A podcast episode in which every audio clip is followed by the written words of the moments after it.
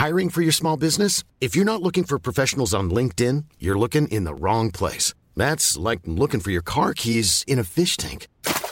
LinkedIn helps you hire professionals you can't find anywhere else, even those who aren't actively searching for a new job but might be open to the perfect role. In a given month, over 70% of LinkedIn users don't even visit other leading job sites. So start looking in the right place. With LinkedIn, you can hire professionals like a professional. Post your free job on linkedin.com slash people today.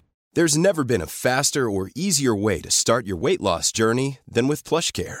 PlushCare accepts most insurance plans and gives you online access to board-certified physicians who can prescribe FDA-approved weight loss medications like Wigovi and Zepbound for those who qualify. Take charge of your health and speak with a board-certified physician about a weight loss plan that's right for you. Get started today at plushcare.com slash weight loss. That's plushcare.com slash weight loss. plushcare.com slash weight loss. There's never been a faster or easier way to start your weight loss journey than with PlushCare.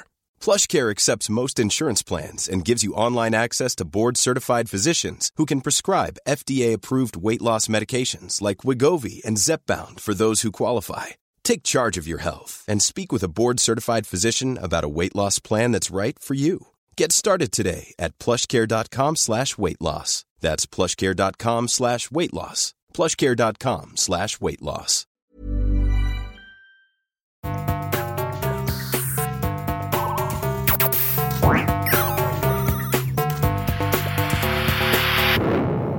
Velkommen til Sinnsyn. Jeg heter Sondre Risom Livre, er psykolog, og dette er Webpsykologens podkast. Hverdagspsykologi for fagfolk og folk flest.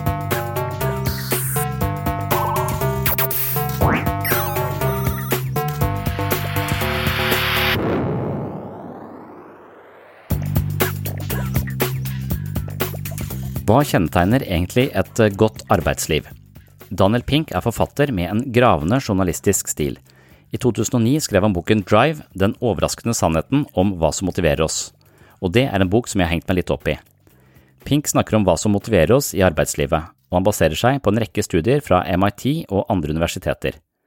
Man kan tenke seg at høyere lønn og bonuser er en motiverende kraft for å få det beste ut av menneskers arbeidsevne, men det er i høyeste grad en sannhet med masse modifikasjoner.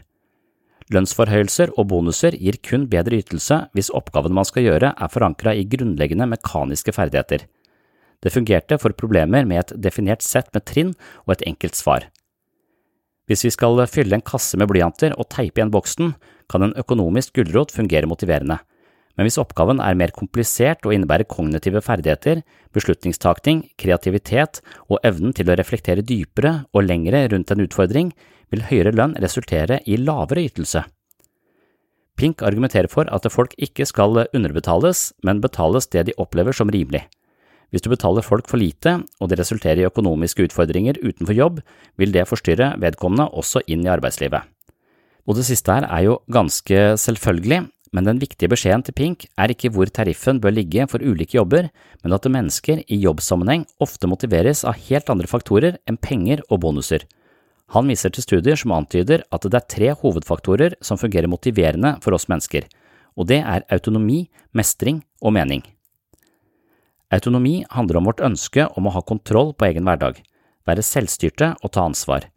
I den grad vi hele tiden føler oss overstyrt, oppleves det ofte som mistillit fra ledelsen, og det kan undergrave vår integritet, noe som gjør at motivasjonen for arbeidet reduseres dramatisk. Istedenfor å engasjere oss i jobben og investere både integritet og stolthet i det vi holder på med, altså en motivasjon som i høyeste grad kommer innenfra, begynner vi å utføre oppgaver slavisk for det vi må, noe som ender i en langt mer passiv motivasjon som både går utover vår følelse av autonomi og vår følelse av mening i jobben. Og det er også kanskje en ganske åpenbar sammenheng. Når vi blir styrt og overvåka, så føler vi jo mistillit, og når vi føler mistillit, så vil vi i mye mindre grad ha en slags indre motivasjon for det vi holder på med. Vi gjør bare ting fordi vi blir overvåka og fordi vi er pålagt noe, men i den grad vi opplever at vi har tillit og ansvar for det vi holder på med, så vil motivasjonen komme fra et annet sted, mer innenfra. Vi er agent i eget liv, der vår innsats som produserer dette produktet, og det er mine avgjørelser som er avgjørende i dette prosjektet. Med den følelsen så har vi en indre motivasjon, og det motiverer i mye større grad enn Big Brother-systemet som overvåker deg og har en slags grunnleggende mistillit til at du ikke vil gjøre jobben din med mindre de står eh, bak eh, speilet med masse ris. Og det neste behovet, altså disse grunnpilarene i hva som motiverer oss i arbeidslivet, denne behovet eller denne motiverende faktoren, det er eh, mening. Og behovet for mening er altså en følelse av å engasjere seg i noe som er viktig, og noe som er viktig utover det at man mottar en lønnsslipp for nettopp denne aktiviteten. Bedrifter som kun fokuserer på fortjeneste uten å verdsette mening, vil ende opp med elendig kundeservice og ulykkelige ansatte. Det siste punktet som Pink nevner er mestring, og det handler rett og slett om at vi føler vi håndterer oppgaver på en grei måte, at vi har nødvendige ressurser og at vi har muligheten til å utvikle oss og bli bedre. Dette her er bare noen få stikkord som går på arbeidslivets psykologi. I dagens episode skal du få bli med til et foredrag om arbeidsliv og hjemmekontor. Jeg snakker om ulike aspekter ved det å høre til på en arbeidsplass, føle mening, mestring og autonomi, samt hva som skjer med arbeidslivet når flere etter hvert blir sittende hjemme og arbeide uten å møte kollegaer i et kontorfellesskap. Hva er egentlig fordelene med å arbeide delvis hjemmefra, og hva går vi glipp av når vi går over til en modell hvor arbeidstakere jobber i distribuerte team som ikke lenger er geografisk lokalisert i den samme boksen vi ofte kaller et kontor? Det handler også om hvordan vi kan lykkes med hjemmekontor og etablere en arbeidshverdag som i stigende grad fungerer optimalt for oss, vår rytme, våre interesser og våre behov. Arbeidsliv og arbeidsmiljø er et enormt stort tema, og det er et viktig tema fordi det berører store deler av døgnet for mange som er i arbeidslivet, og det berører som regel også de som er utenfor arbeidslivet av ulike årsaker. I kraft av å ikke være arbeids- eller organisasjonspsykolog har jeg ikke nok kompetanse på dette området, men jeg tror likevel at en del generelle psykologiske prinsipper også gjør seg gjeldende i arbeidslivet på en måte som er verdt å reflektere over. Enhver arbeidsplass har sin egen kultur, sitt eget miljø og sin egen sjargong, og dette påvirker den enkelte arbeidstakeren. Som gruppeterapeut i gruppeterapi er det tydelig for meg at gode, reflekterte, åpne og interesserte grupper kan styrke den enkelte deltakeren på en rekke områder, mens dømmende, skeptiske og fryktsomme grupper kan være direkte psykisk helseskadelig for den enkelte deltakeren. Arbeidsplassen kan på mange måter betraktes som sitt eget psykologiske system som bebor en rekke faktorer som enten styrker eller svekker oss, avhengig av hundrevis av faktorer som til sammen utgjør dette arbeidsmiljøet. Velkommen til en ny episode av Sinnsyn, hvor jeg skal forsøke å si noe nytt om arbeidslivet som du kanskje har tenkt på før, eller noe selvfølgelig om ting du aldri har reflektert over i tilknytning til din egen erfaring med arbeidslivet. Hei, du, skal du være med og bidra til en heidundrende bursdagskake til Lismette på, på regnskap? Hun har bursdag på fredag. Ja, det er frøken Sykepleieransen du snakker om? Ja. ja men jeg mener da virkelig huske at hun hadde fødselsdag eh, i fjor også på den tiden av året. jo, hun har det. Nå, nå skal vi ha skikkelig sånn surprise party.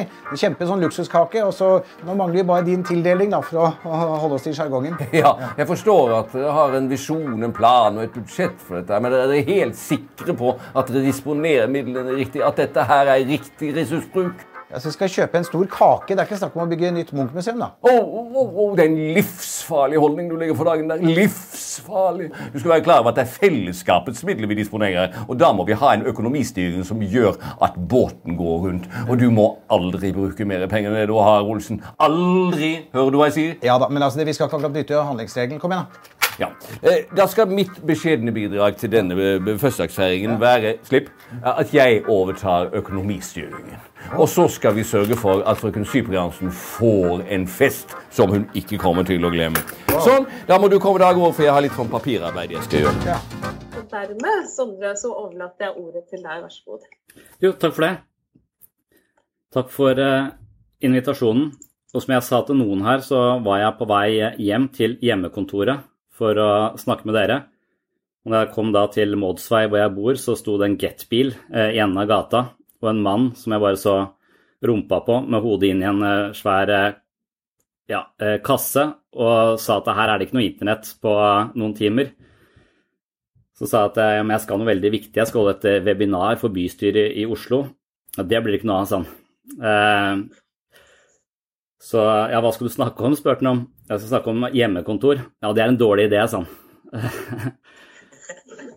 Så det illustrerer kanskje noen av utfordringene. Altså vi har noen tekniske utfordringer, eh, og jeg har det, så, og jeg er ikke noe eh, ja, så, så, da måtte jeg bare snu og så kjøre tilbake til kontoret. Og her er dessverre jeg lukket inne i et system på sykehuset som uh, har sitt helt eget, ja, sitt eget internett også. Vi opererer ikke på det, det åpne internettet. Vi er som en liten uh, Nord-Korea som har sitt eget lille system, så vi slipper ikke til på, på, det. Så det nettet jeg har her, er jeg litt redd for er litt ustabilt. Så noen kan jo markere hvis at jeg faller ut. Eh, jeg så at eh, jeg fikk en liten advarsel her, litt dårlig nettverk i stad, eh, men jeg håper at det, det, går greit. Og hvis ikke så er nødløsningen å gå over på, en, på telefonnettverk, da. Vi får se. Jeg håper at dette, dette fungerer. Men det er en av utfordringene med hjemmekontor, i hvert fall. Allerede der. Så det å snakke om hjemmekontor Eh, jeg baserer det mye på, på en som heter Matt Mullenweg, eh, som har holdt på med hjemmekontor, eller det han har sånne eh, distribuerte team. Han var en av de som var med å starte Wordpress, som er denne plattformen som tror 70% av alle hjemmesider er, er laget på.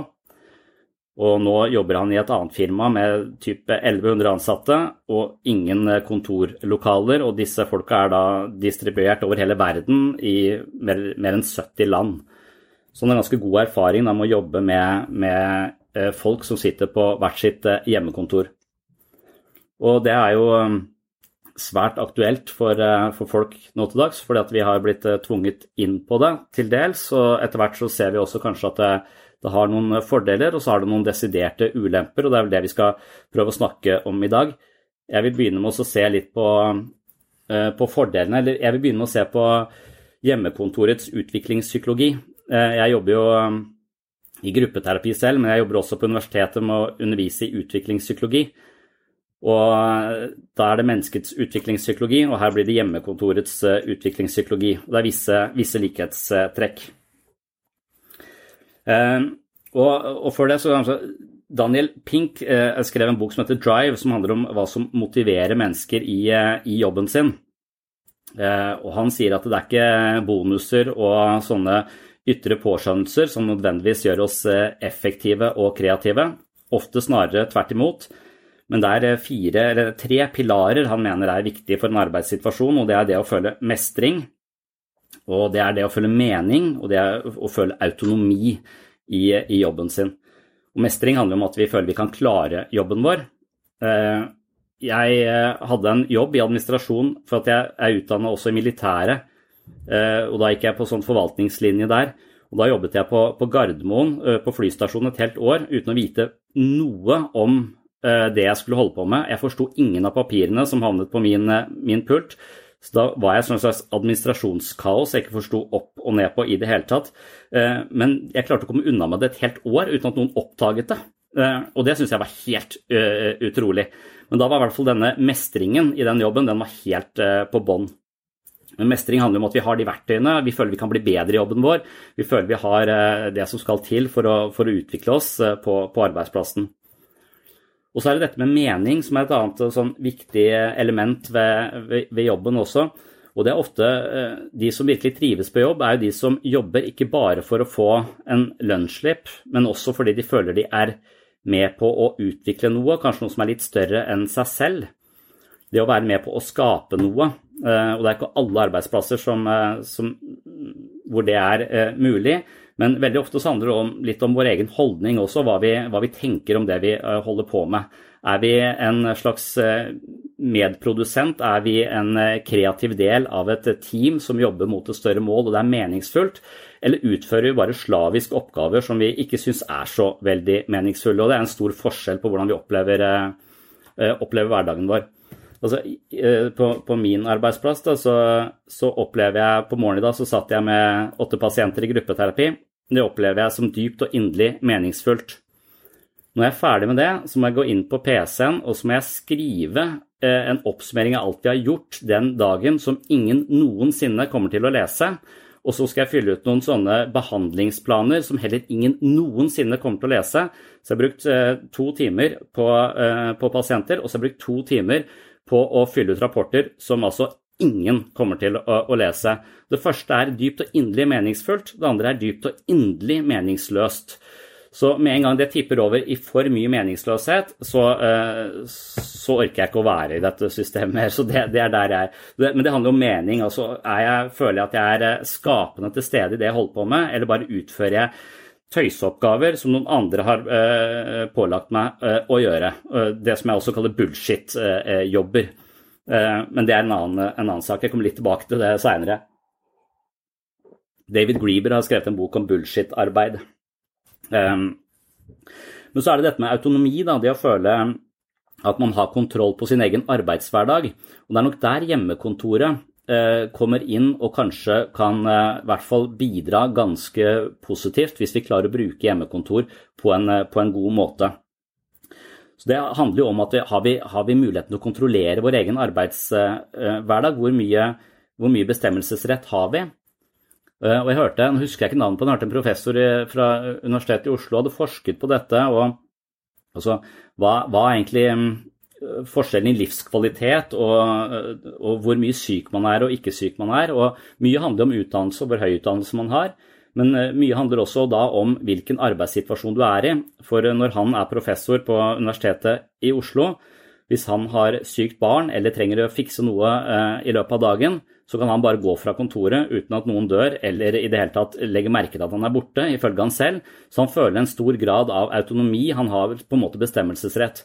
Mens eh, ofte så har du yrker som på en måte du må stemple inn, du blir målt hele tiden, du blir sett hele tiden. Skal, så i, i, den grad du har lite bestemmelsesrett og, og, og, lite handlingsmuligheter, så vil du ofte føle deg pressa opp i et hjørne, og da presterer du selvfølgelig ikke eh, fullt eh, så bra.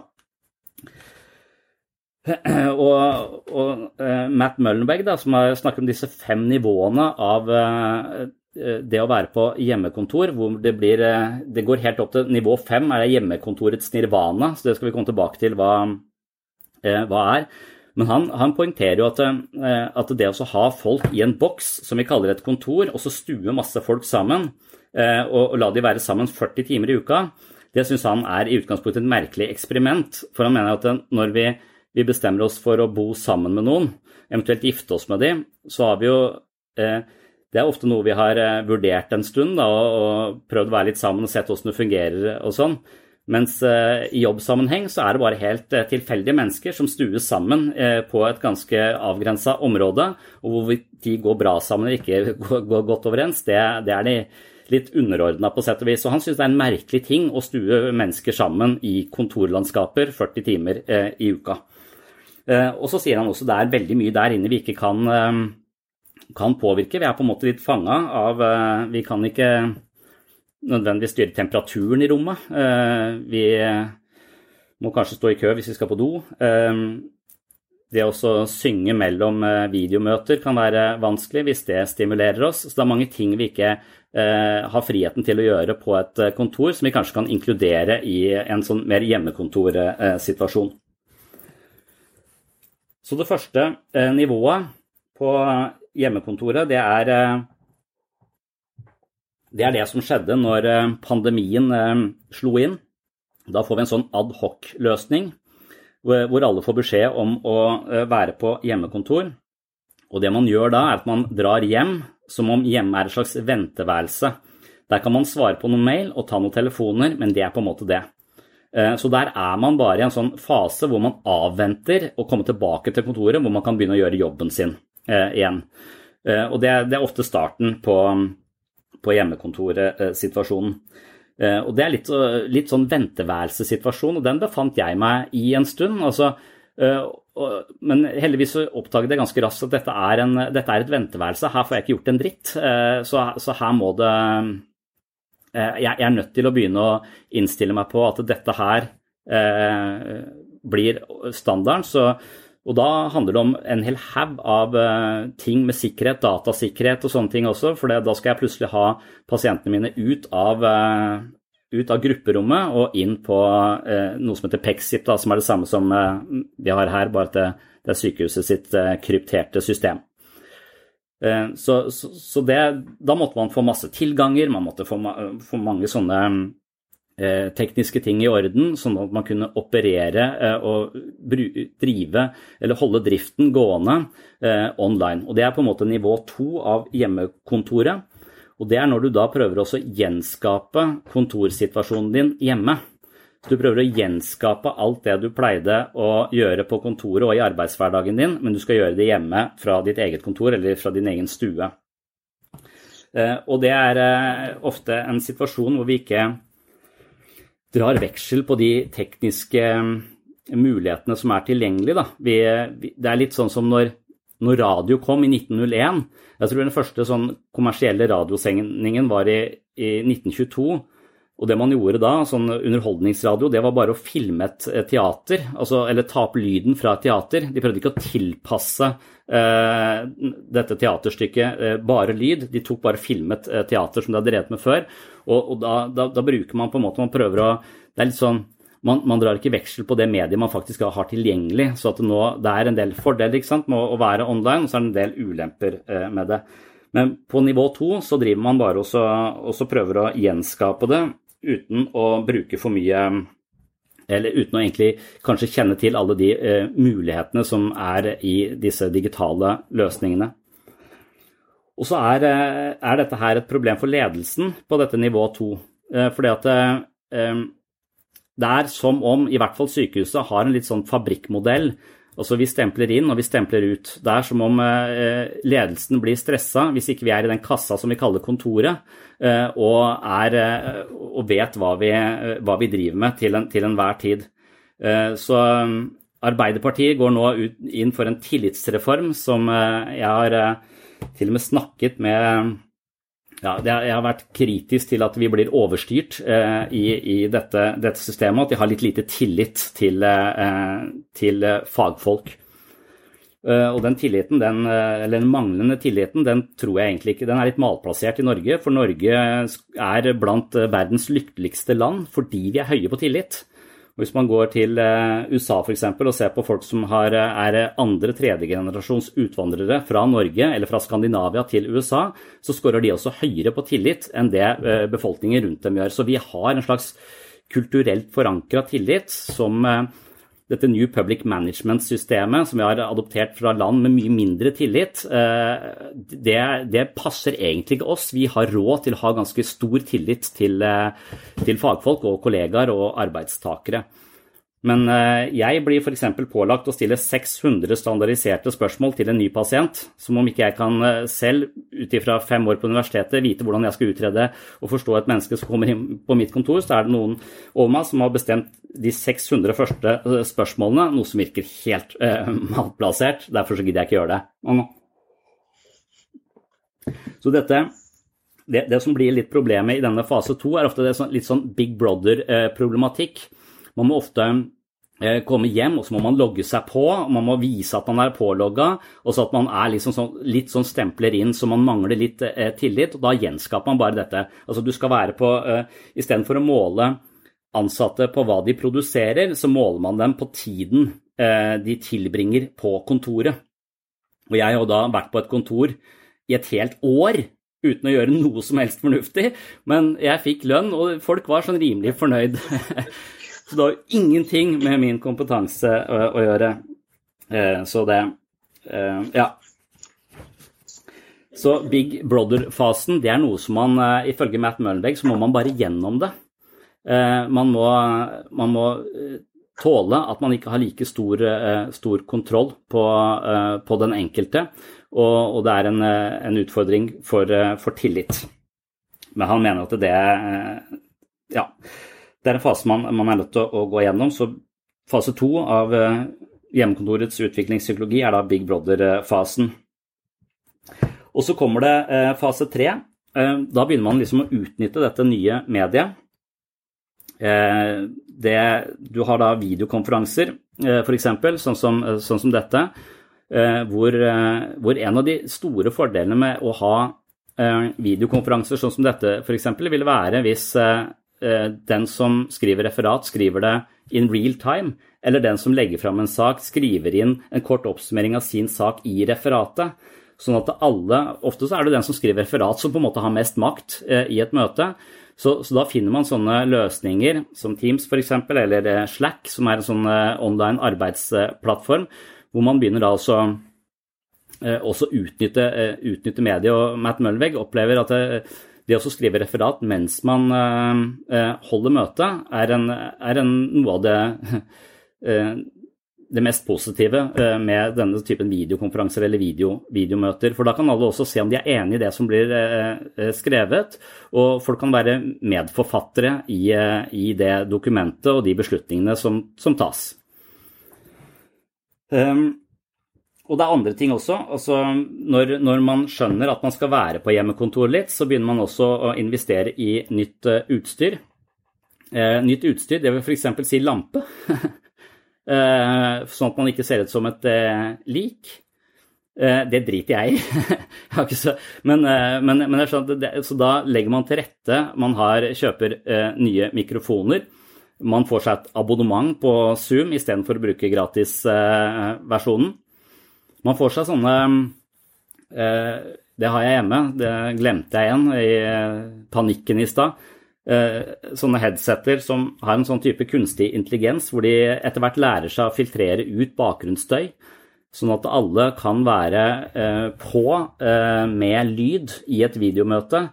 For det, hvis man er i et videomøte, og det har dere mye erfaring med nå, og, og man er muta, og idet man skal si noe, så blir det en slags sånn hakking i eh, det, det, er ikke veldig sånn eh, det er ikke så sømløst når man skal inn og ut av, av, mikrofonen. Hvis man får disse mikrofonene med den typen kunstig intelligens, så vil man kunne ha de på hele tiden, og vil kunne filtrere ut eh, både inngående og utgående bakgrunnsstøy.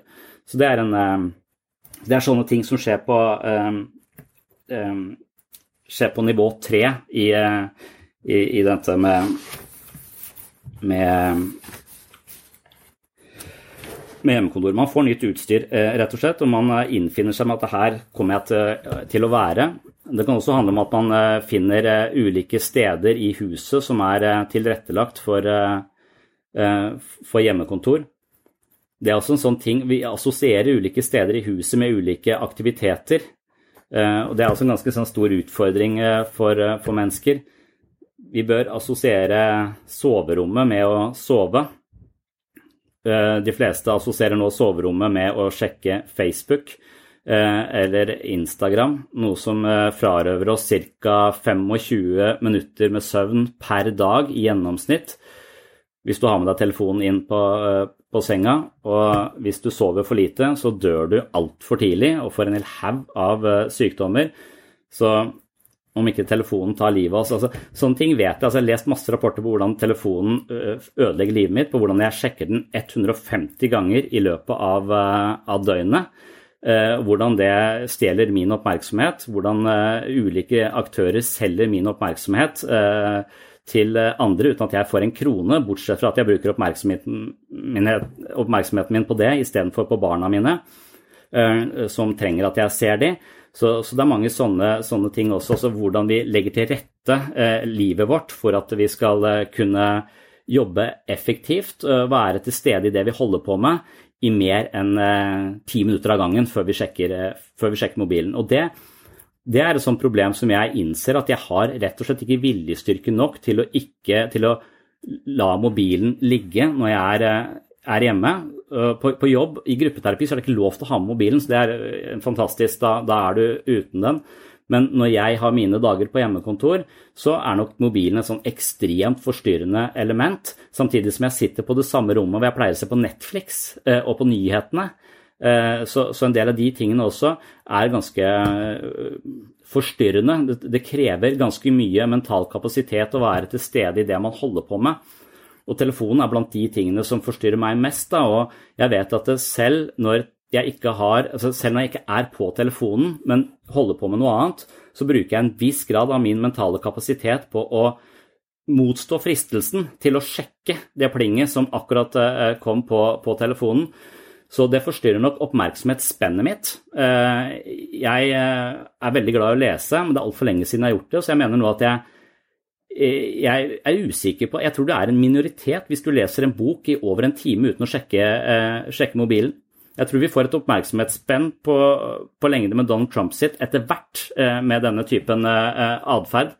Så jeg har bestilt, eh, inspirert av en, eh, en, ja, Nå husker jeg ikke navnet på den forfatteren, men han har, det fins en sånn safe med en sånn tidslås på for mobiltelefoner som du kan legge når du kommer hjem, og så, og så åpnes den ikke før klokka ni.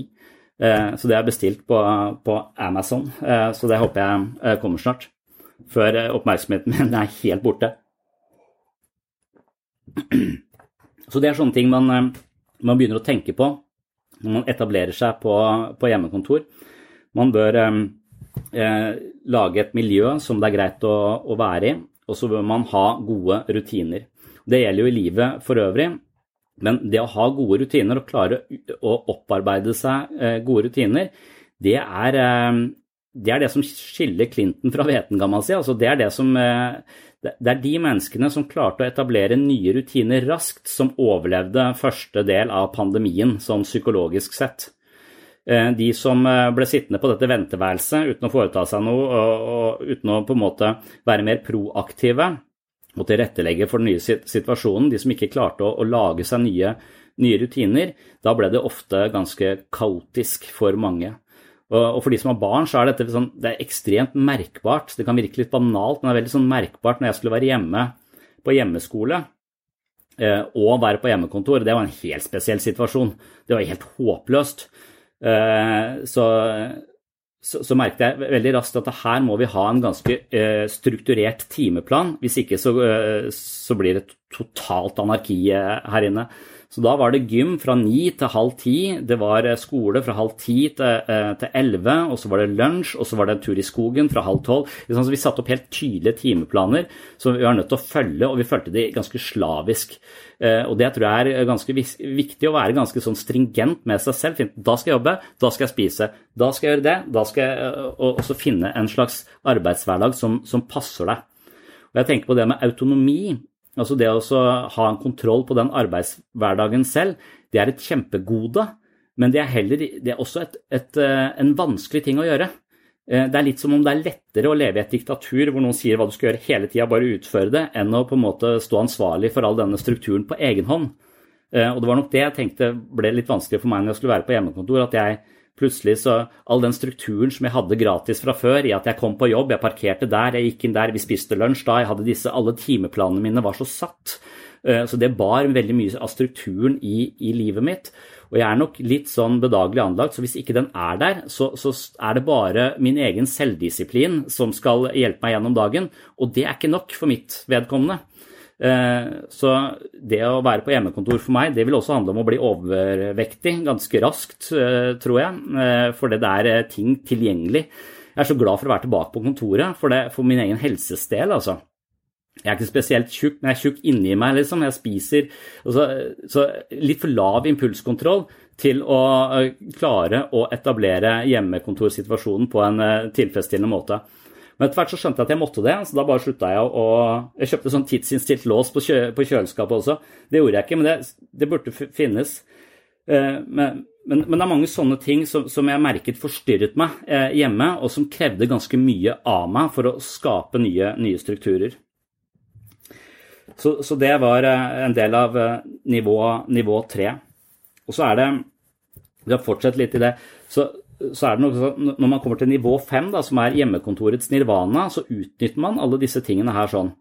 Eh, sånn at man eh, rett og slett integrerer eh, hva skal man si jobbhverdagen sin i, i, livet sitt for øvrig på en sånn måte at det blir mye mer integrert, mye, mye, mye mer tilpasset den enkelte. For Man kan f.eks. For forestille seg at eh, noen liker å ha et eh, stearinlys på pulten fordi det lukter godt og skaper god stemning, og man kommer mer i flyt hvis man har det stearinlyset.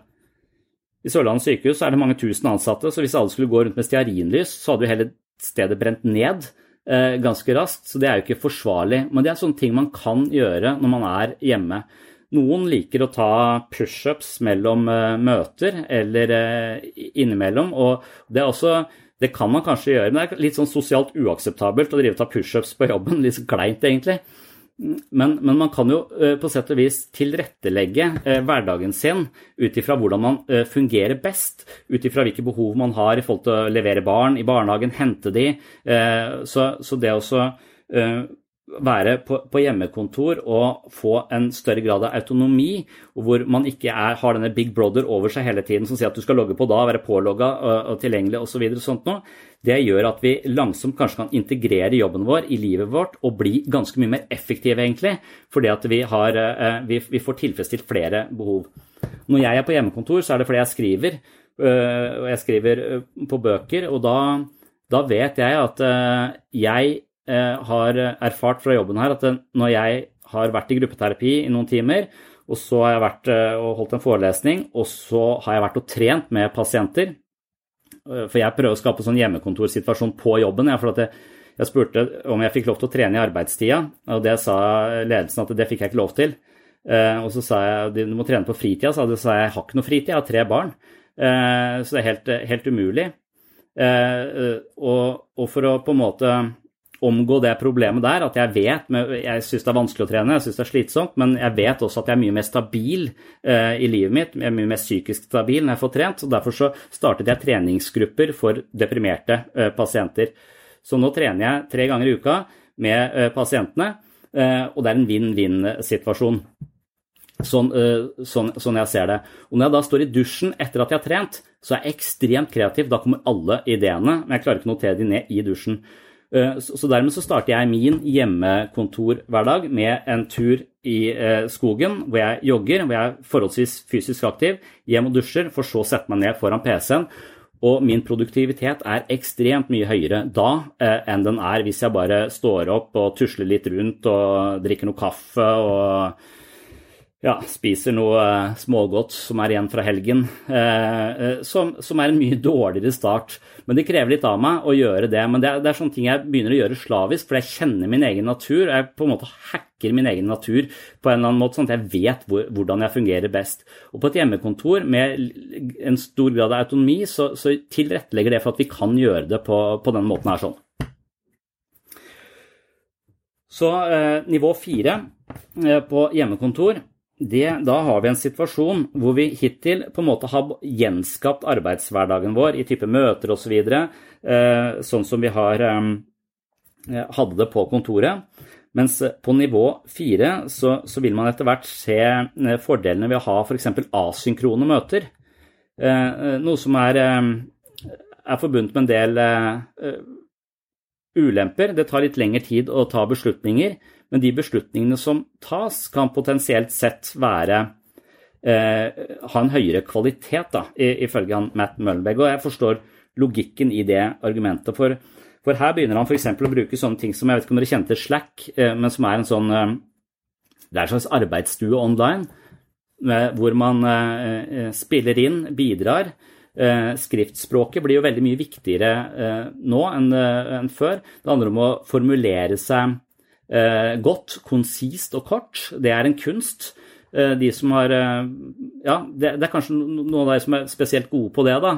Hver gang VG ringer meg, så, har jeg etter hvert lært meg hva de trenger. De skal ha fire setninger, og de setningene skal være så meningsbærende som mulig. Og det er en egen øvelse, og ikke drive å, å skrive langt og møysommelig om ting, for da blir du aldri hørt. Så det, så det er en egen øvelse å skrive kort og konsist og, og få ned det som, det som er viktig, og essensen. Og det å ha da tråder som går, eh, hvor man også får alerts på de trådene man som eh, relaterer seg til den avdelingen man selv er en del av, og de problemstillingene man selv er interessert i, eh, så vil det kunne legge til rette for et asynkront arbeidsmiljø. Nå hang du litt, Sondre. Ok, ja, jeg så det. Bare Nei. hvis du tar spoler ja. ja, for det um, Hvis man har en sånn um, Eh, online arbeidsstasjon hvor man kan gå litt ut og inn, og møter eh, kan, eh, og problemstillinger kan begynne å løses i ulike tråder, i ulike arbeidsrom. Så kan man spille inn sine forslag, og så kan man gå ut, så kan man ta seg en joggetur, og så kan man komme tilbake og så kan man se hva som, hva som er gjort. Og som jeg sa, så kan beslutninger ta, bruke, det kan ta litt lengre tid før man får tatt en beslutning, men, men det kan potensielt sett da være en ganske mye høyere kvalitet på den beslutninga. Fordi at de møtene vi har når vi er in real time, hvor alle sitter rundt et bord, så blir vi ofte presentert for en type informasjon. Og det vi får ut av det møtet, er jo folks reaksjon på den informasjonen. Eh, og, og, det er ikke nødvendigvis den beste eh, eh innsikten, eh, eller den Det er ikke nødvendigvis de mest ettertenksomme innspillene som kommer i en sånn type, type møte. Så, så, så, noe av ideen til, til, Matt Mulveg er at han får mer ut av den enkelte arbeidstaker fordi han får ettertenksomme innspill.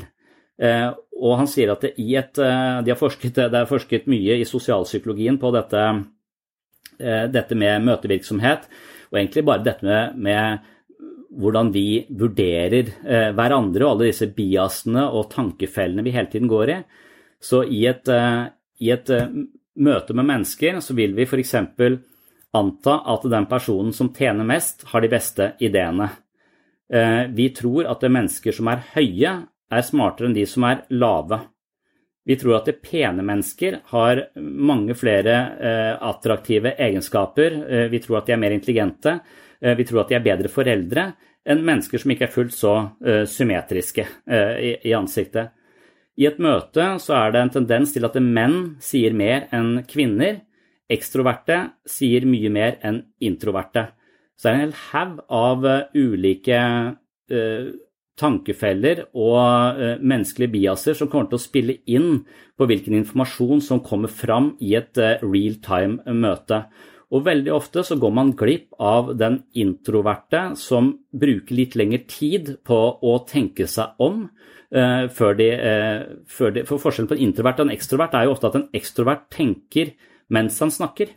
mens en introvert tenker først, og så sier han noe etterpå. Men da er møtet over.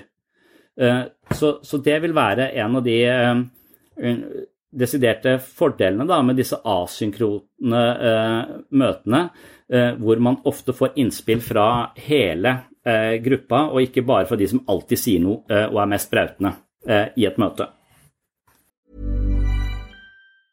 Mom deserves the best, and there's no better place to shop for Mother's Day than Whole Foods Market. They're your destination for unbeatable savings, from premium gifts to show-stopping flowers and irresistible desserts. Start by saving 33% with Prime on all body care and candles. Then get a 15-stem bunch of tulips for just $9.99 each with Prime. Round out Mom's menu with festive rosé, irresistible berry chantilly cake, and more special treats. Come celebrate Mother's Day at Whole Foods Market. Mother's Day is around the corner. Find the perfect gift for the mom in your life with a stunning piece of jewelry from Blue Nile. From timeless pearls to dazzling gemstones, Blue Nile has something she'll adore. Need it fast? Most items can ship overnight. Plus, enjoy guaranteed free shipping and returns. Don't miss our special Mother's Day deals. Save big on the season's most beautiful trends. For a limited time, get up to 50% off by going to BlueNile.com. That's BlueNile.com. Hey, it's Danny Pellegrino from Everything Iconic. Ready to upgrade your style game without blowing your budget? Check out Quince. They've got all the good stuff shirts and polos, activewear, and fine leather goods, all at 50 to 80% less than other high end brands. And the best part? They're all about safe, ethical, and responsible manufacturing. Get that luxury vibe without the luxury price tag. Hit up quince.com slash upgrade for free shipping and 365 day returns on your next order. That's quince.com slash upgrade.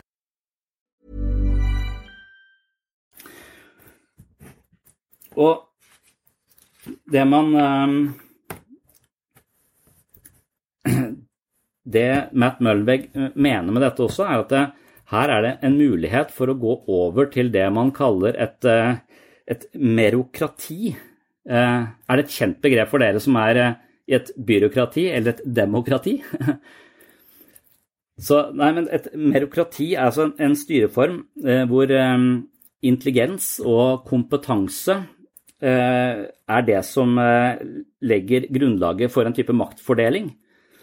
Så et demokrati, da, altså, da er man jo valgt, men man er ofte valgt på bakgrunn av popularitet, og ikke på faktisk kompetanse og kunnskap.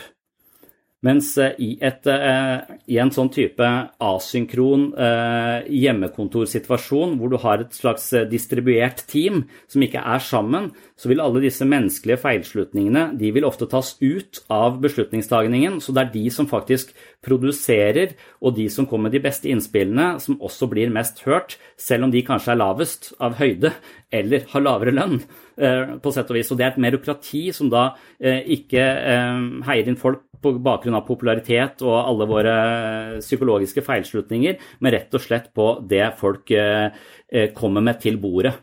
Eh, og det, det syns jeg er en litt sånn attraktiv idé. Altså, jeg er jo tilbøyelig til å stemme Rødt bare fordi at Moxnes er en kjekk fyr. Så, og jeg er ikke homofil engang, så det er liksom så, men, men, det går veldig på, på utseendet. Og så jeg tror sikkert at Giske hadde lurt meg også, for den er så høy. Så, så, det er mange sånne, sånne ting som, som, spiller inn, som man potensielt sett da kan, kan lure ut av, av, disse møtene hvis de blir asynkrone. Ja.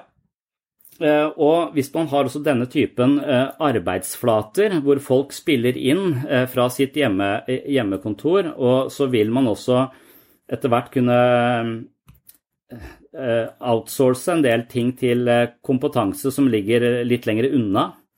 Eh, det er kanskje ikke så aktuelt for dere.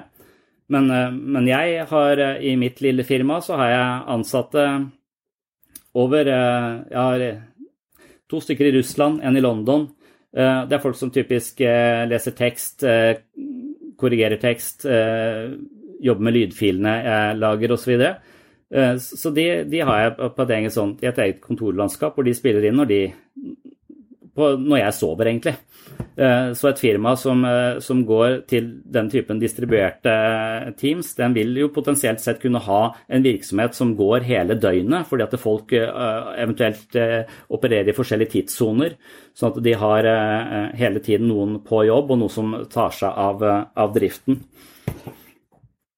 Så det, det er også en, en, fordel med det. Og, og, etter hvert som man blir opptatt av, etter hvert som man ser at en del av min hverdag skal være på hjemmekontor, så, så, vil man jo også kunne spare enormt med tid i trafikk, selvfølgelig.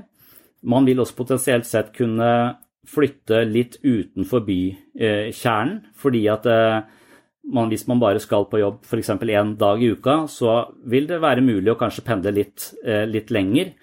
Eh, enn hvis man skal på jobb hver dag. Så rent sånn Sånn, ja hvordan, hvor, hvor, folk bor hen. Det er kanskje aktuelt i Oslo, og, og spesielt aktuelt i, eh, i, USA også, at det, er, det tar lang tid å, å, komme seg inn til kontoret, for det er mye, mye trafikk. Og, og, da vil man også ofte måtte bo nærme, og man måtte bo dyrt, og man må bo trangt. Og når man bor trangt, så må man ofte ha hjemmekontor eh, på barneværelset, eh, f.eks. Eh, noe som eh, ikke nødvendigvis er, er optimalt. og da men, men, etter hvert som man ser at dette her skal bli min hverdag, så, så, vil man kanskje kunne investere i et større bolig litt lenger unna til en uh, samme pris. Så, så, det er jo noe, noen fordeler på det uh, området òg. Så kan man også tenke at det er noe, uh, noen miljøgevinster inn inn i dette her.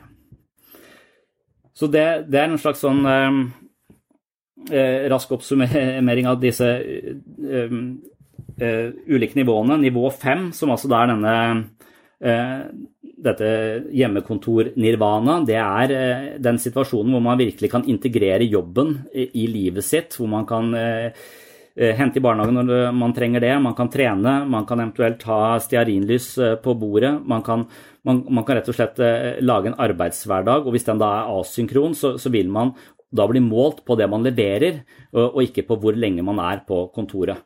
Eh, jeg ble i militæret når jeg jobba der, og så målt på hvor lenge jeg var på kontoret. Jeg var på kontoret åtte timer hver dag.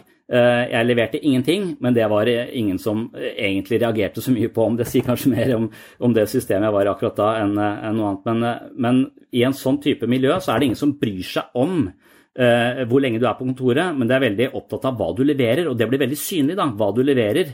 Uh, for, for, det er det du måles på, det er det som kalles merokrati da isteden. Uh, ja. Og så er det da en hel haug av psykologiske ulemper med dette her, som vi også kan, eh, kan nevne. Altså hvis du Når jeg studerte psykologi, så prøvde jeg Når det var ferie, eh, sommerferie, så tenkte jeg at jeg hadde ikke, egentlig ikke noe å reise hjem til akkurat da. Så når alle mine relasjoner eh, reiste fra landet, som var Danmark da, så tenkte jeg nå skal jeg sjekke hvor lenge jeg klarer å være inne i leiligheten min bare med å lese bøker uten å gå ut og treffe folk. Og da klarte jeg åtte dager.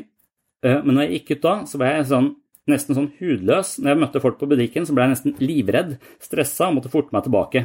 Eh, så det er veldig eh, Vi har ikke så godt av å være uten eh, mellommenneskelig kontakt.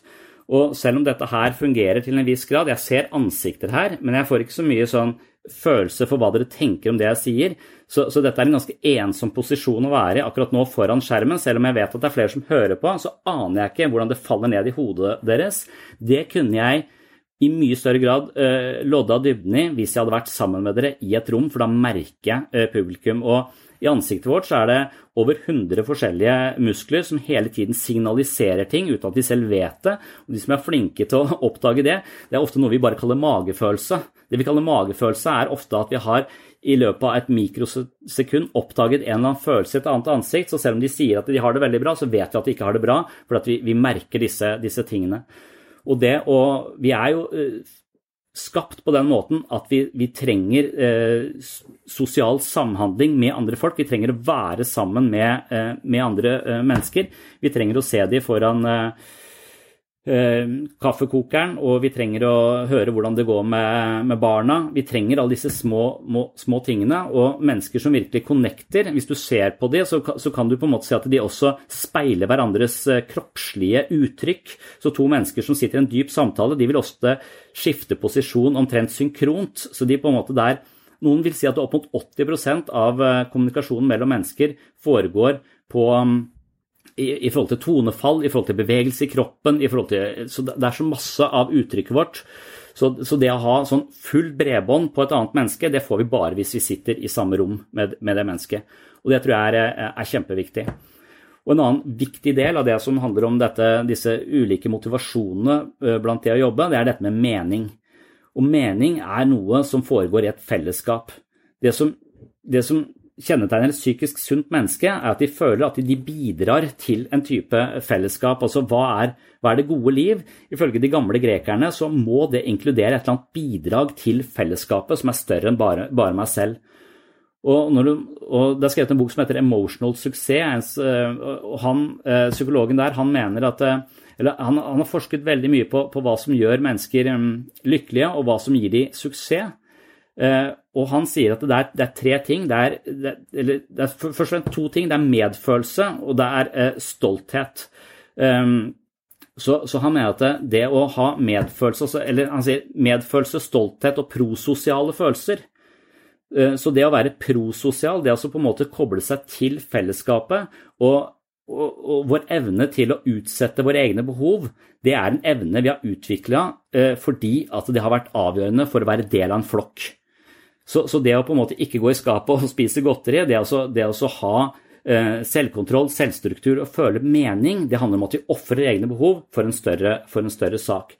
Og Idet vi føler at vi tilhører en god flokk, så er det i den, vår betydning i den flokken som gir livet vårt en eller annen sånn bærebjelke av, av mening. Uh, og det tror jeg også kan være vanskelig å gjenskape uh, i Slack, hvis det er det man bruker som denne online-plattformen osv. At man, man, får en følelse av å være en del av, uh, av teamet når man ser hverandre face to face. Så det ideelle ville kanskje være altså, jeg, jeg, tror ikke hjemmekontor eller ikke hjemmekontor Det er fordeler og ulemper med, med, begge deler, men dermed så vil man kanskje være best tjent sånn som dere er nå, da, med én til to dager på kontoret i uka, hvor man ellers kunne lagt opp til en type hjemmekontor. Så kanskje det er en ganske ideell eh, løsning som dere har eh, havna på nå, så vidt jeg forstår, en del av dere i hvert fall, eh, er i den, den situasjonen. Men det er veldig mye eh, i det mellommenneskelige som, som, vi trenger. Og hvis vi eh, går glipp av den største predikatoren for eh, depresjon og suicidalitet, det er jo mangel eh, Det er ensomhet.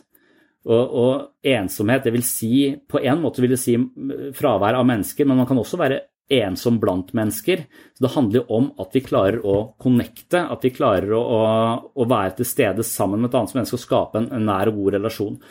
Og, de menneskene som klarer det, de er mindre syke, og de lever lenger enn de som ikke eh, klarer det. Og den eneste vi vet som korrelerer med et, et lykkelig liv, det er evnen til å opprettholde og inngå i betydningsfulle relasjoner til, eh, til andre mennesker. Og på andreplass, noe jeg selv er dritdårlig på, altså når, når lister hva er det som gjør mennesker lykkelige, på andreplass er eh, tilfeldig eh, prososiale handlinger, står det. Og Det vil si at du hilser på dama på, på Jokeren fordi at du pleier å handle der, eller på, på Meny. Også det vil si en sånn småsnakking med folk underveis i livet ditt. Eh, de som gjør det mye, de har også bedre eh, psykisk helse. Og det er jeg kjempedårlig på, for jeg vet ikke hvorfor jeg skal snakke med mennesker jeg ikke kjenner, men nå vet jeg det. Eh, og det er også sånne ting Altså, en bussjåfør de hilser alltid på hverandre. Det er en slags bekreftelse på at du eksisterer. Jeg vet, eh, jeg ser deg, vi er like, vi tilhører samme, samme team. Hei, der er det også. Disse små bekreftelsene i løpet av, eh, av, en dag de tror jeg er ganske viktige for menneskets psykiske helse. Og Hvis vi ikke klarer å gi hverandre det eh, on, online, og det tror jeg ikke vi gjør i samme grad, så tror jeg at, det, at den psykiske helsa vår kan skrante eh, på sikt. Da tror jeg jeg holdt på i hvert fall den tiden jeg hadde, og vel så det. Tusen takk. takk.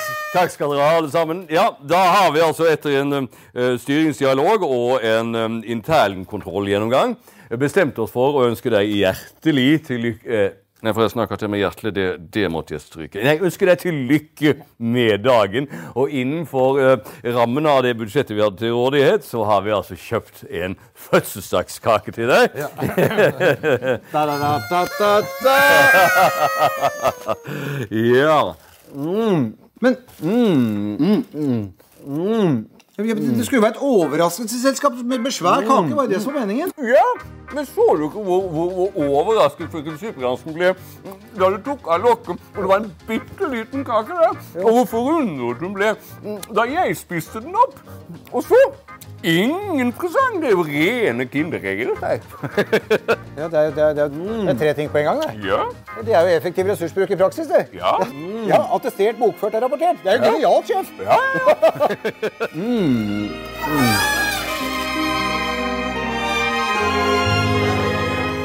Mm. ja, det var mange gode spørsmål. Jeg er litt usikker på om jeg har så veldig gode svar uh, på det det post-korona-spørsmålet det, det, Jeg tror uh, at uh, vi henger igjen i denne gamle fabrikksmodellen når det gjelder arbeidslivet generelt sett, og at der er det ganske mye å hente på å integrere jobben i livet vårt uh, på, en, på, en, bedre måte enn før. Det tror jeg kan gi oss større grad av autonomi. Jeg tror også det kan gjøre oss mer effektive.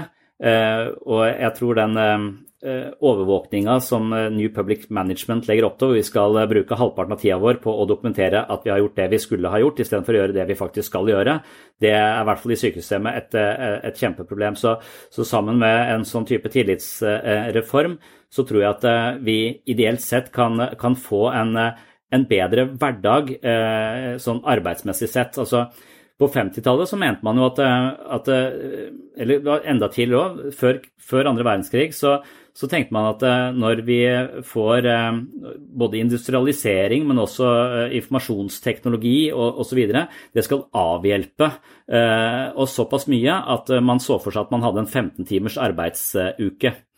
Det har jo ikke skjedd, snarere tvert imot. Og etter hvert så kommer det bare nye og nye ting vi skal måles på og gjøre. Så etter hvert så, så min hverdag går ut på å dokumentere uh, altfor mye uh, istedenfor faktisk å gjøre den jobben jeg skal gjøre.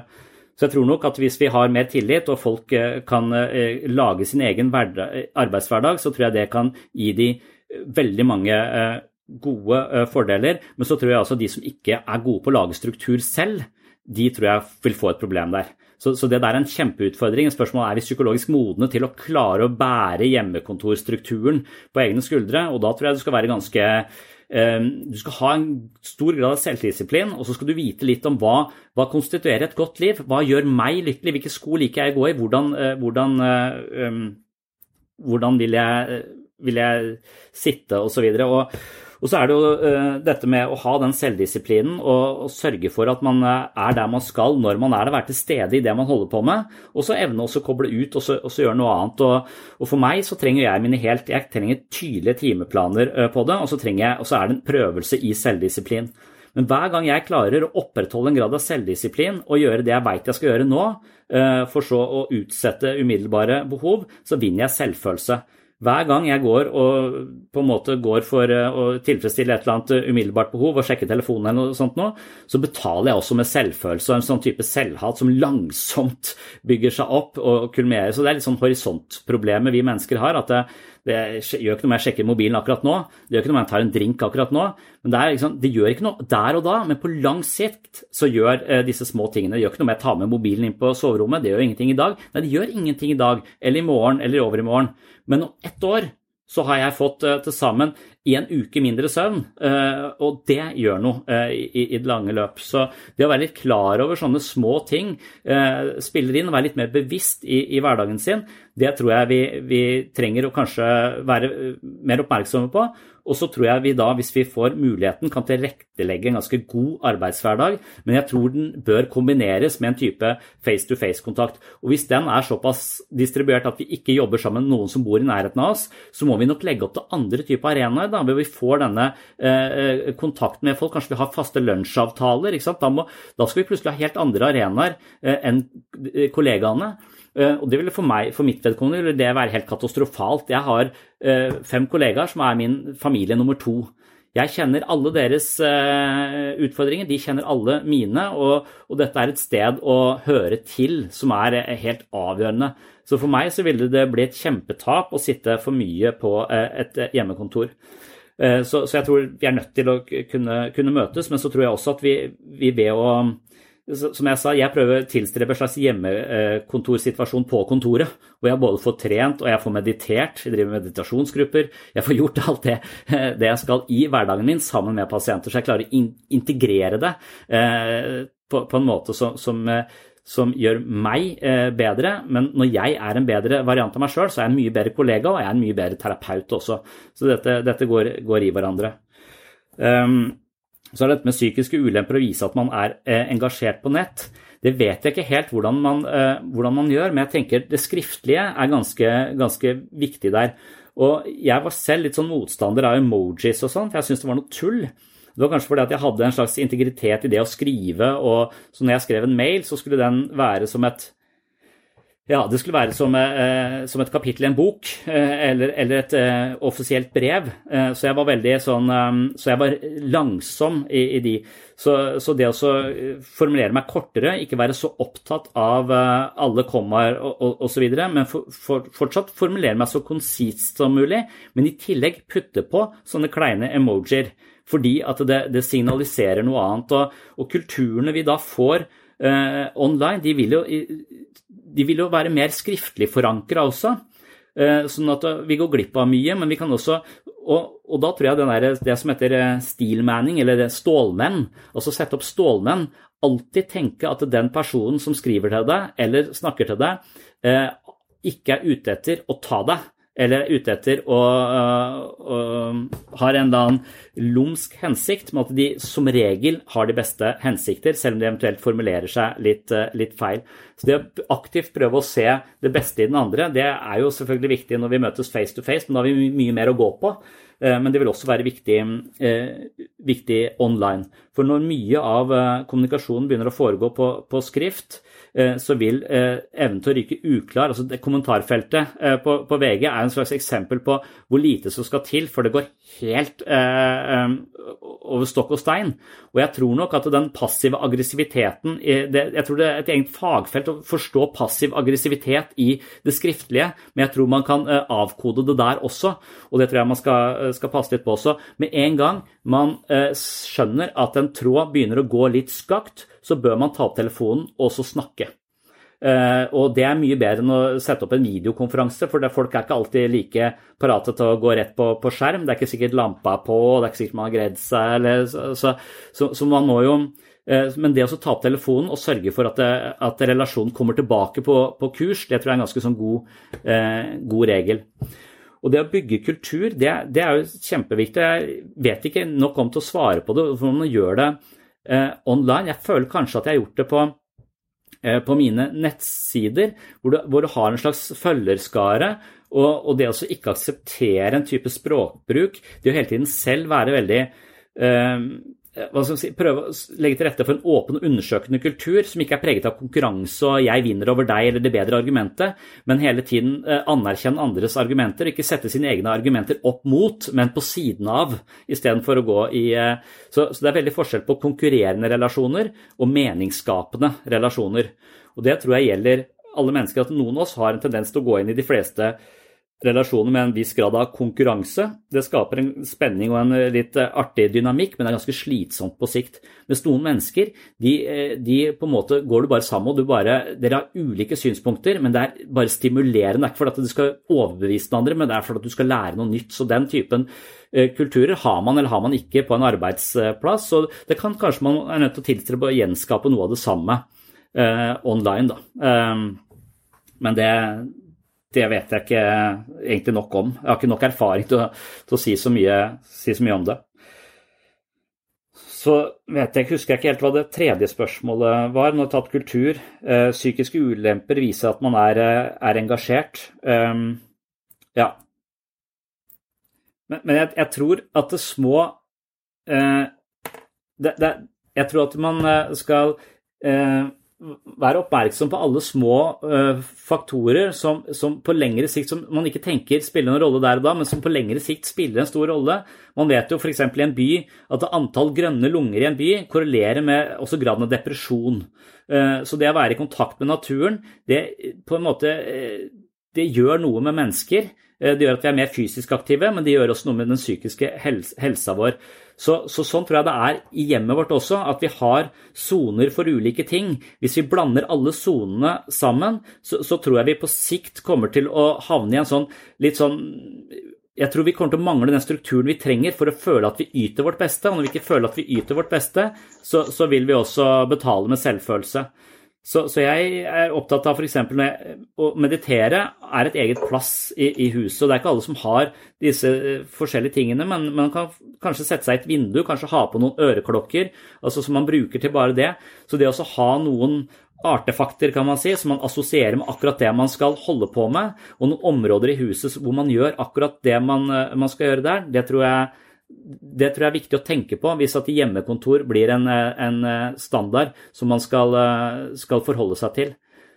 Eh, fordi at det er for mye greier i et hus. Du har støvsugeren stående der, du har eh, den veggen som skulle males, du har den eh, oppvaskmaskinen som skulle tømmes. Det er en grunn til at de reiser på hytta. Det er bare et annet hus. Men det er bare det at der tenker vi ikke at vi skal gjøre så innmari masse, med mindre vi begynner å vedlikeholde det like mye som vi vedlikeholder hjemme. Så, så er liksom, vi, vi, har satt av et sted til rekreasjon. Uh, og det, det å lage soner i huset sitt tror jeg kan være ganske viktig. Uh, så det var det til spørsmål tre. Ja. ja, det, tror jeg, det tror jeg er viktig, for det, spørsmålet er også hvor mye jobber man egentlig i løpet av en dag? Med en sånn eh, Kontordøra mi er alltid åpen. Du får det sosiale, som er veldig viktig for oss, men du får også mye spill av tid. Og jeg tror også møtevirksomhet er eh, dramatisk overdrevet eh, i hele verden. Og jeg tror vi holder møter Og det, det, som er spesielt med møter, er at hvis, hvis vi har satt av halvannen time til et møte, så varer ofte møtet halvannen time. Selv om vi ikke helt visste alle de sakene som skulle opp, men hvis vi er ferdig på en halvtime, så er det sjelden vi avslutter. Altså, vi bare bruker den tida vi har satt av. Eh, så, så, så, jeg tror nok effektiviteten også der, eh, selv om vi ikke bare skal tenke effektivitet, men at det er noe viktig å, å hente der, og at man også uh, blir mer selvstendig, det tror jeg også er, er et veldig godt, uh, godt poeng. Så, og han Matt Møllenweg, som jeg snakket om fra Wordpress, han har altså 1100 ansatte. Og han sier at eh, når han har disse åpne eh, kontorlandskapene online, hvor folk spiller inn osv., så, videre, så vil eh, kommunikasjonen i hele bedriften være såpass gjennomsiktig, og den enkelte vil finne ut og ta til seg det den trenger. Det spilles inn der, så kommer det inn en på en tråd som sier noe. Ja, dette, dette er også viktig i vår avdeling, det, det fungerer sånn her. Og så, så, får man den informasjonen man trenger. Så han sier at en, en, når han er sjef for 1100 ansatte, så får han fem mail i uka eh, fra de ansatte. Så, og det er ganske mm, oppsiktsvekkende. Altså fem, fem, mail. Veldig mange av oss bruker ekstremt mye tid på å svare på masse, masse, masse mail. I hvert fall hvis du er sjef for 1100 stykker. Når kommunikasjonen er såpass gjennomsiktig, så spares det masse tid. Og den enkelte er kanskje da også mer, som du sier, mer proaktivt på å finne den informasjonen den trenger, og ikke bare gå til, på nabokontoret og forstyrre naboen som holder på med det osv. Det er jo veldig sånn frustrerende. Eh, du har telefonen din der som du skal sjekke Facebook hele tiden, og så har du kollegaen som kommer inn og spør om det hele tiden. og så, så Spørsmålet hva man egentlig får gjort da, kan jo være eh, relevant å stille, i hvert fall. Yeah. Vi snakket jo så mye om hjemmekontor, som du hadde skrevet. Eh, eller å gjemme seg, eller å være hjemme. altså det og, og, jeg tenker at det, så lenge vi har denne fabrikkmodellen, så vil vi kanskje gjemme oss. Men etter hvert som vi kanskje aksepterer at eh, vi eh, har ulike preferanser på hva som gjør oss effektive, og hvordan vi gir den beste outputen til eh, den bedriften eller den, det stedet vi jobber til, så, så, vil det kanskje være mer akseptabelt at man begynner å måle folk mer på rett og slett bidraget og ikke på tiden de eventuelt tilbringer. Og da vil det kanskje være, som jeg må liksom sånn, jeg kamuflerer trening inn i arbeidshverdagen. Men jeg mener det er en vinn-vinn-situasjon. Ingen som taper noe på, på, det, sånn sett. Selv om det, noen ville si ja, men du har ikke lov til å trene, hvorfor skal du som psykolog trene eh, pasienter med depresjon? Så sier jeg fordi jeg har A-kurs i treningsledelse fra militæret 98. så, eh, så, jeg har kompetansen. Men det, det, er ikke derfor. Det er fordi at da får du et annet samvær med de samme menneskene. Du ser hvordan de klarer å yte på en annen uh, arena enn det du er vant til i, i så, så, så det å uh, ha en litt større aksept for, for, en litt annen arbeidshverdag, uh, så man slipper å gjemme seg og kanskje kan gjøre dette åpent. Så jeg, jeg, hvis jeg jogger uh, fra åtte til halv ni og er på, på alerten kvart på ni, så er jeg på, og da jobber jeg ekstremt effektivt fram til lunsj. Og så kanskje noen jobber best på kveldstid og tar seg noen, en time etter at barn har lagt seg. ikke sant? At, det, at ikke det overtar hele hverdagen, selvfølgelig, for noen er jo arbeidsnarkomane og så må passe seg den veien. men så så jeg tenker at det, man må gå noen runder på hva er akseptabelt, og hva, hva ser vi på som um, en sunn arbeidshverdag, og, og, hvordan kan det kanskje forebygge um, helsa til folk som jobber, og forebygge utbrenthet eller uh, sykemeldinger osv. Da snakkes vi bare, og så får jeg, jeg se på det lydfila i kveld eller noe, tenker jeg, så sender jeg det i løpet av noen dager. Ja, men det er kjempefint. Mm. Takk skal du ha. Kjempefint. Ok, ha det bra. Ja, ha det bra.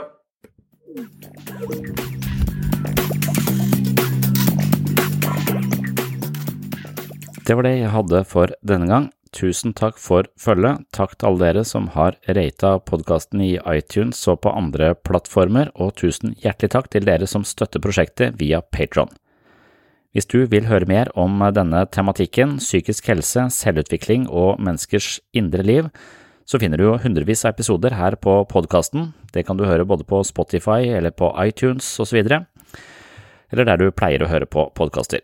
Hvis du vil ha mer materiale fra Webpsykologen og Sinnsyn, både videoer, lydbøker, eksklusive podkastepisoder med mer, så kan du tegne et abonnement på patron.com for segs sinnssyn. Medlemskap på denne Patron-kontoen det er for deg som finner verdi her på sinnssyn og ønsker å gi din støtte, og i hvilken omfang du ønsker å støtte prosjektet, det er opp til deg. Som takk for støtten så får du tilgang til masse ekstramateriale og et abonnement på Sinnsyns mentale treningsstudio. Psykologi og selvutvikling handler om innsikt, men det handler også om å implementere innsikten i hverdagslivet. På Sinnsyns eh, mentale helsestudio så er ideen at uh, psykisk helse det er en egenskap som må vedlikeholdes og trenes opp, på samme måte som vi trener vår fysiske helse. Hvis du er interessert i dette og vil ha flere tips til hvordan man trener mentale muskler, så kan det hende at patron.com for sinnssyn er stedet for deg. Jeg vil også nevne at jeg er på Instagram og faktisk på TikTok, og hvorfor jeg er på disse plattformene, det har jeg redegjort for i en eh, tidligere episode.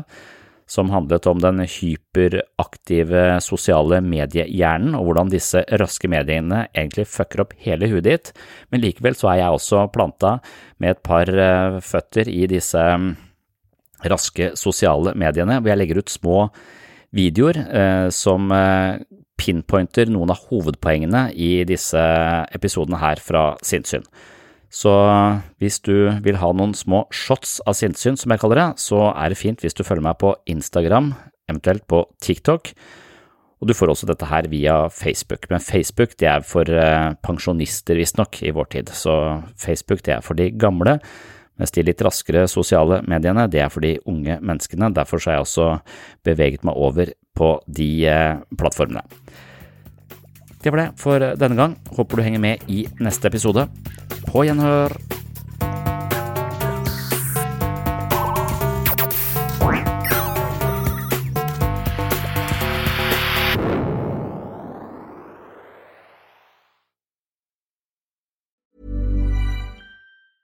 Planning for your next trip?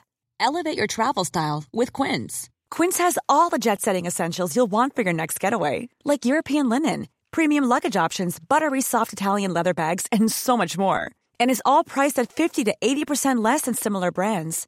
Plus, Quince only works with factories that use safe and ethical manufacturing practices. Pack your bags with high-quality essentials you'll be wearing for vacations to come with Quince. Go to quince.com slash pack for free shipping and 365-day returns. Mom deserves the best, and there's no better place to shop for Mother's Day than Whole Foods Market. They're your destination for unbeatable savings, from premium gifts to show-stopping flowers and irresistible desserts. Start by saving 33% with Prime on all body care and candles. Then get a 15-stem bunch of tulips for just $9.99 each with Prime. Round out Mom's menu with festive rosé, irresistible berry chantilly cake, and more special treats. Come celebrate Mother's Day at Whole Foods Market. Planning for your next trip? Elevate your travel style with Quince. Quince has all the jet setting essentials you'll want for your next getaway, like European linen, premium luggage options, buttery soft Italian leather bags, and so much more. And is all priced at 50 to 80% less than similar brands. Plus, Quince only works with factories that use safe and ethical manufacturing practices. Pack your bags with high-quality essentials you'll be wearing for vacations to come with Quince. Go to quince.com slash pack for free shipping and 365-day returns.